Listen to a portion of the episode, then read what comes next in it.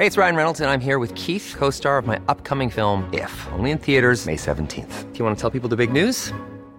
All right, I'll do it. Sign up now and you'll get unlimited for $15 a month in six months of Paramount Plus Essential Plan on us. Mintmobile.com slash switch.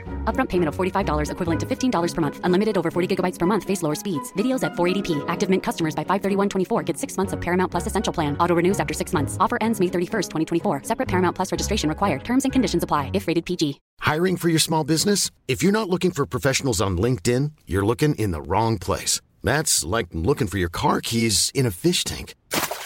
LinkedIn helps you hire professionals you can't find anywhere else, even those who aren't actively searching for a new job but might be open to the perfect role. In a given month, over 70% of LinkedIn users don't even visit other leading job sites. So start looking in the right place. With LinkedIn, you can hire professionals like a professional. Post your free job on linkedin.com slash people today. Du lytter til en podcast fra TV2.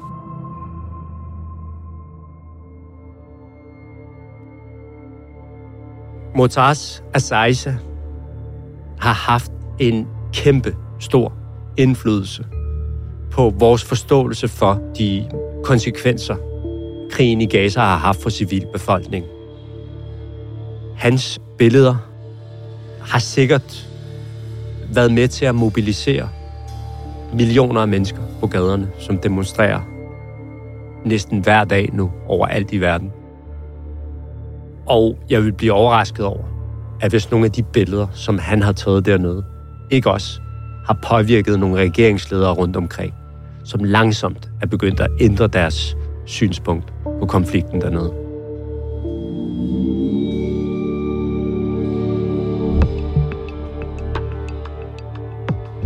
Den mest populære palæstinensiske journalist har lavet sig evakuere fra Gazastriben. I decided to evacuate today, but uh, inshallah, hopefully soon come back and help to build Gaza again. Motaz Azaisa dokumenterede gennem mere end 100 dage, hvordan krigen mellem Israel og Hamas ramte civilbefolkningen i Gazastriben. And I will show you the massive destruction that happened to the Zahra city in the middle of the strip. På få måneder har Azaisa fået millioner af følgere verden over, der har fulgt hans dækning af livet i Gazastriben. En situation, der har været meget svær at dække for medierne, fordi Israel og Ægypten har nægtet internationale journalister adgang. Dato i dag handler om, hvordan en mands arbejde har været afgørende i mobiliseringen af millioner af demonstranter verden over, og hvad det kommer til at betyde, at han nu er væk fra krigen i Gaza. Mit navn er Joachim Claus Høj Bindslev.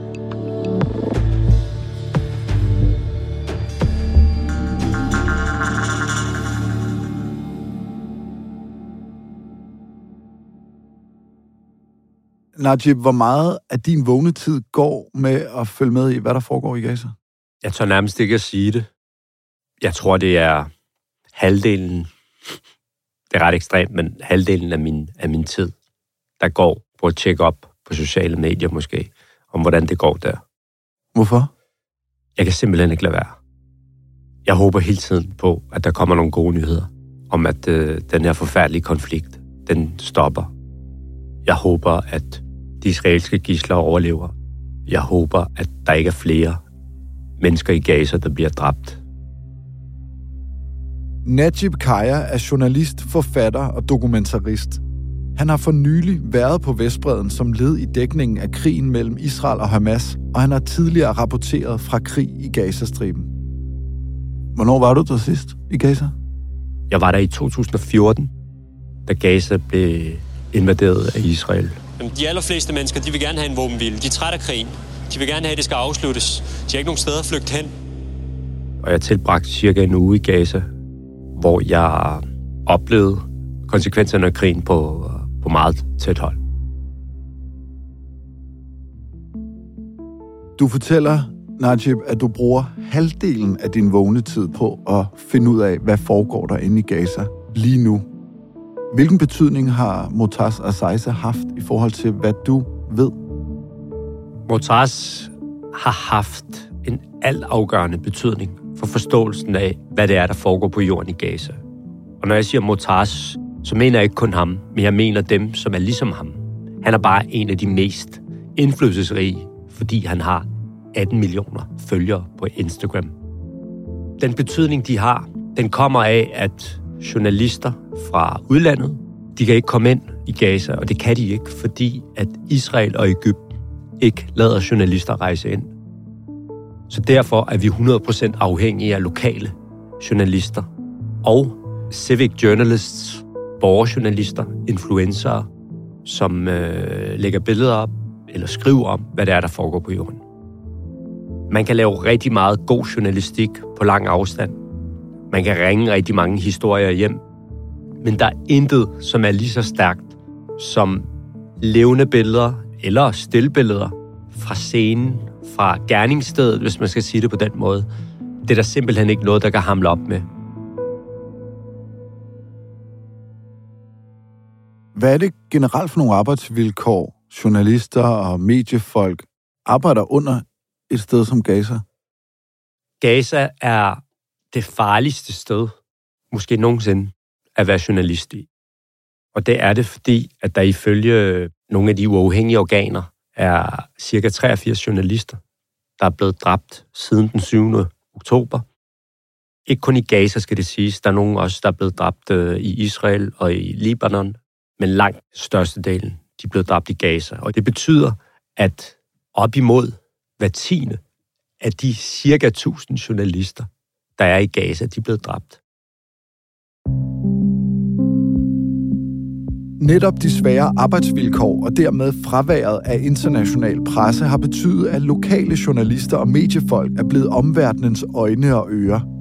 En af de mest kendte er Motas Asaisa, der har lagt et hav af videoer og billeder op på sin Instagram, der har mere end 18 millioner følgere. Prøv lige at sætte nogle ord på ham her, Motas Asaisa. Hvem er han? Motaz Asaisa er en ung mand, 24 år gammel, som, studerede, øh, som har studeret engelsk på Universitetet i Gaza. Han er født i den her store flygtningelejr, som er blevet til et slags autonomt område, hvis man kan sige det på den måde. Og øh, han kan betegnes som en slags influencer, før den her krig den øh, eksploderede. Han øh, har arbejdet for en øh, FN-underorganisation og dokumenteret hverdagen. Hvis man kigger i hans feed, så er de fleste billeder fra Gaza været af hverdagsliv. Det har været af glade stunder på stranden, børn, der leger i en skolegård. Han har ikke drømt om at være krigskorrespondent. Han er nødtvunget begyndt at dokumentere krigen og ødelæggelserne i Gaza. Hans største drøm, det var at arbejde for National Geographic og tage billeder af smukke steder i verden. Men efter den 7. oktober har Motazes billeder ændret sig på en meget drastisk måde. Så har det været en lang række af billeder af død og ødelæggelse. Det, der skal siges om Mortaz, det er, at selvom der har været en øh, forfærdelig krig i Gaza efter den 7. oktober, så er der også billeder af glade stunder af børn, der leger. Motar, som står med en bamse og laver sjov imellem ruinerne i Gaza. Han har en lethed over sig, og han har en charme, som gør, at man kan absorbere al den elendighed, der er i Gaza. Fordi det er noget, som jeg kan ikke genkende det til. At når jeg ser noget, altså billeder eller en dokumentar, hvor man kun ser død og elendighed, så er det svært at tage ind. Og til sidst så bliver man immun over for det, fordi det er sådan rent menneskeligt. Man opbygger et panser. Så derfor har man også brug for, hvad skal jeg sige, et mere holistisk billede, for at kunne komme igennem sådan noget materiale. Og det er det, Motasa er i stand til. Som du selv siger, Najib, så han er influencer, han er ikke journalist.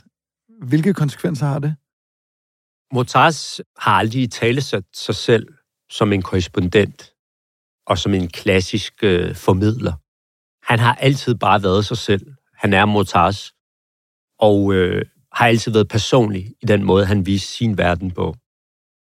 Og øh, vi skal selvfølgelig som brugere af det her medie skelne mellem Mortazes private liv og private holdninger, og det, som han filmer og viser. Fordi han prøver at vise sin virkelighed, men fordi han er i gang med det, så får vi også adgang til en masse ting. Og der tænker jeg på sådan nogle af de her billeder her, hvor man ser situationen på jorden lige efter et luftangreb, hvor det faktisk er fuldstændig ubetydeligt, hvad det er, Motaz synes, og hvad han mener. Fordi vi har lige set et billede af et boligområde, som er blevet bombet, og der ligger 50-60 mennesker spredt ud over gaden, lemlæstet. Og det har en enorm stor betydning for vores forståelse af konflikten. Og der, hvor jeg mener, man skal skælne, det er jo, at Motaz, han, han sidder ikke efterfølgende og analyserer politisk på, hvad det vil betyde, og hvordan det her det lige er sket, og så videre. Hvis lytteren skal prøve at se hans Instagram-feed for sig, hvordan vil du så beskrive det? Altså, hvis man kigger på Motazes billeder før den 7. oktober, så er det billeder af smukke solnedgange på Gaza strand, børn, der løber på strandkanten, bader i vandet, øh, ham selv, der griller noget mad sammen med nogle venner. Men efter den 7. oktober, så ændrer billedet så drastisk.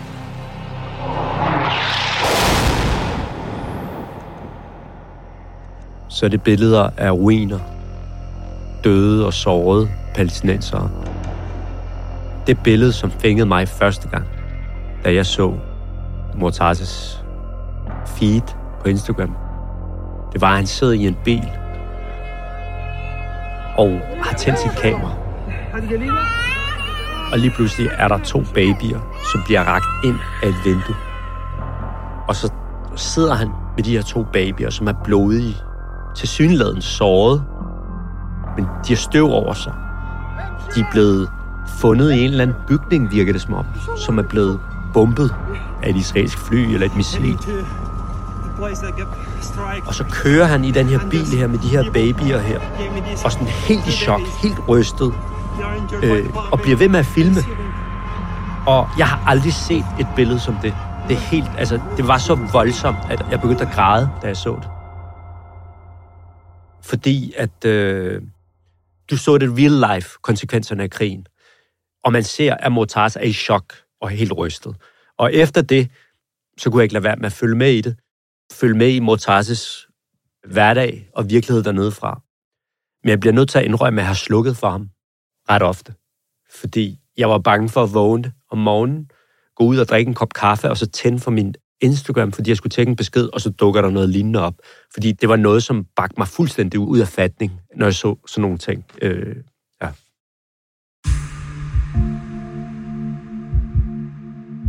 Efter at have rapporteret i mere end 100 dage fra Gazastriben, valgte Motas Azaiza i sidste uge at lade sig evakuere til Katar.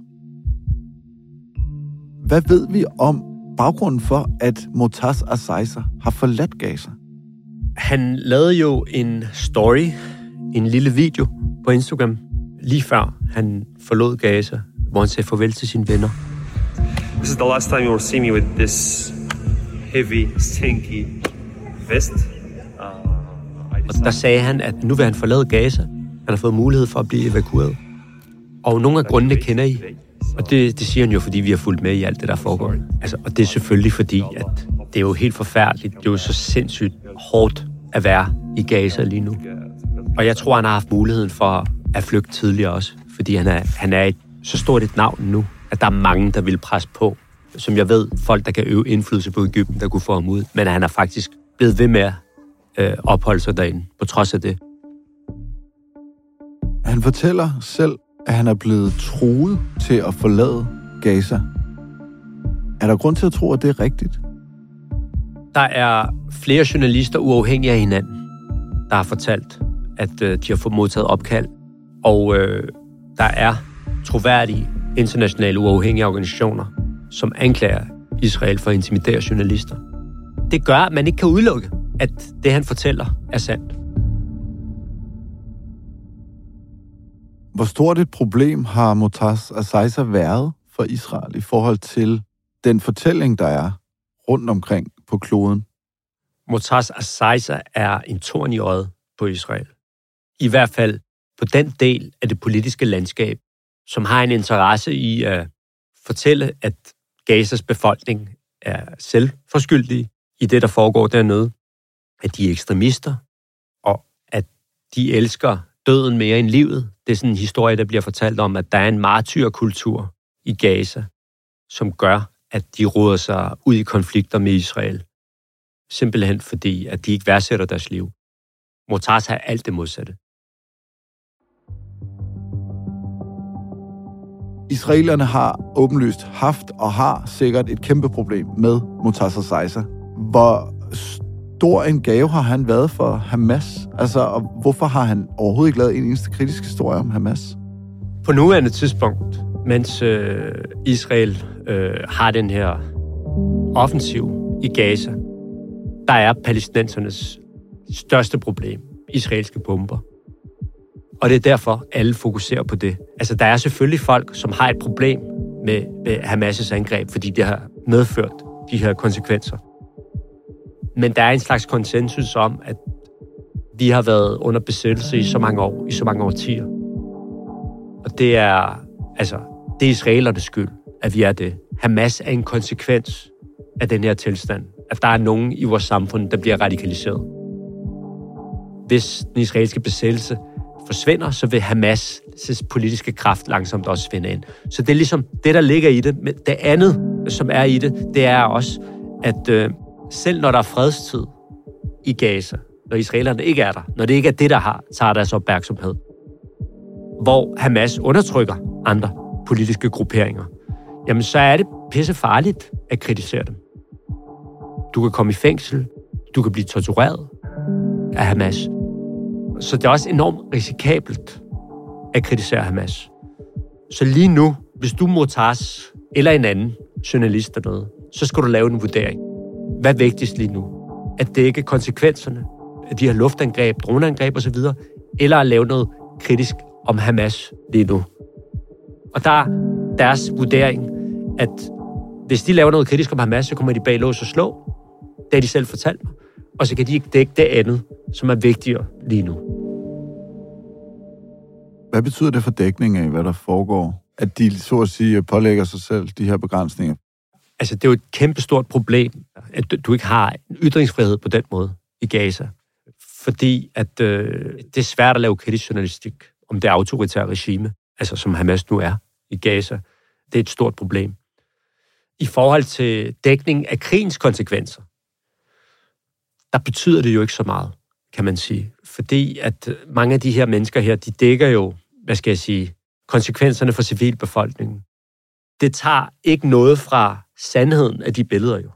At Hamas synes, at det er godt, at man ser den menneskelige elendighed, at man ser død og armod i Gaza. At de synes, det styrker deres narrativ. Det tager jo ikke en sandhedsværdi fra, at når Mortars eller en anden filmer en bygning, hvor der ligger døde spædbørn. Altså, det er stadig sandt. Ved vi noget om, hvordan han ser på Hamas? Altså, fordi de har jo været rigtig glade for det, ja, ja. han har lavet. Ja. Når Mortars er blevet spurgt om hans syn på Hamas, så er han meget kryptisk og siger, at han ikke er affilieret med dem. Og så siger han, at øh, han er glad for livet, og han øh, repræsenterer en strømning af mennesker, som, som værdsætter det, de har. Og øh, der ligger noget subtilt, i hvert fald for os, der kender området, at det er det tætteste på, han kan komme på en kritik øh, af bevægelsen. Der er en stor risiko for, at man, man bliver fængslet eller gjort fortræd, hvis man kritiserer Hamas direkte. Det har vi set masser af eksempler på. Du fortæller, at den her mand, Motas Azaisa, har haft enorm betydning. Kan du komme med et konkret eksempel på, hvad hans arbejde har affødt af konsekvenser?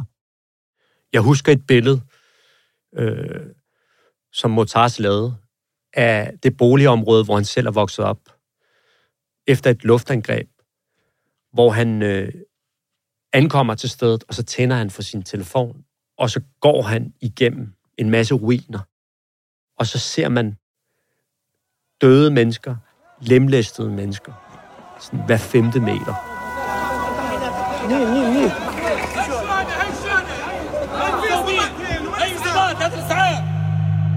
Det er jo noget, som står i stærk kontrast til for eksempel, når Israel siger, at de kun går efter militærmål, og de viser en forsigtighed i forhold til civile. Der er de billeder, som Mortaz og andre viser. En stærk modvægt til den fortælling. Hvis de ikke havde været der, så havde du haft nogen nede på jorden, sandsynligvis de palæstinensiske myndigheder, øh, som er Hamas, som havde påstået, der er en masse civil, der er blevet dræbt, og så har du israelerne, der siger, nej, der er ikke civil, der er en masse Hamas-krigere. Fordi det er sådan en standard fra Israels side, og det andet er standard fra Hamas' Men her har du en, der er på stedet og viser de her billeder. Og hans billeder er blevet verificeret igen og igen. Så der er en troværdighed, der er en sandhedsværdi i de her billeder her. Hvad betyder de for de reaktioner, vi har set her i den vestlige verden for eksempel? De her billeder, de her, den her dokumentation?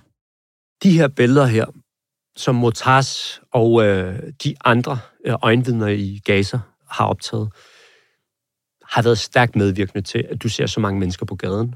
At du ser så store demonstrationer i København, London, øh, New York, Berlin. Demonstrationer, øh, som handler om en konflikt i Mellemøsten. Og jeg er overbevist om, at vi ville ikke have haft dem, hvis vi ikke havde haft de her billeder her. Nu har Motasser Seiser så besluttet sig for at lade sig evakuere. Han er i Katar lige nu. Hvad får det her konsekvenser for omverdenens mulighed for at få indblik i, hvad er det, der foregår? Mortazes evakuering betyder, at vi har mistet et meget vigtigt, slagkraftigt øjenvidne på jorden. Men der er heldigvis for os, uheldigvis for dem, kan man sige, stadigvæk lokale journalister, borgerjournalister, influencer på jorden i Gaza, som vil blive ved med at lave billeder. Men der bliver færre og færre. Hvad med hovedpersonen, Motaz Azaiza? Ved vi noget om, hvad han skal nu? Jeg er sikker på, at Motaz skal på rundtur i verden, være med i øh, forskellige nyhedsudsendelser. Jeg er sikker på, at, øh, at han kommer til at være med i nogle store talkshows rundt omkring. På grund af sin, sit væsen, men også på grund af den viden og den erfaring, han besidder, øh, fordi han er blevet et fænomen. Og jeg tror, at det er hans vision nu, at prøve at tage rundt forskellige steder i verden og øh, råbe op om de humanitære forhold i Gaza. Og øh, jeg vil blive overrasket, hvis der ikke er en eller anden stor streamingtjeneste, de ikke har lavet en aftale med ham om at lave en dokumentar om hans oplevelser dernede. Najib Kaya, tusind tak, for du kom. Selv tak. Hvis du opretter dig med en bruger i TV2's nyhedsapp, kan du sikre dig adgang til unik TV2-indhold, som for eksempel Skyggesiden, hvor krimieksperterne Janni Petersen og Carsten Norton dissekerer de største krimisager herhjemme med de vigtigste eksperter. Lige nu kan du for eksempel finde et afsnit om et nyligt skuddrab på en 22-årig banderelateret på Frederiksberg. Dagens afsnit af Dato er tilrettelagt af Emil Laversen. Ida Skovskov, Pauli Galskov og Leo Peter Larsen står for lyddesign. Astrid Louise Jensen er redaktør, og mit navn er Joachim Claus Høj Bindslev.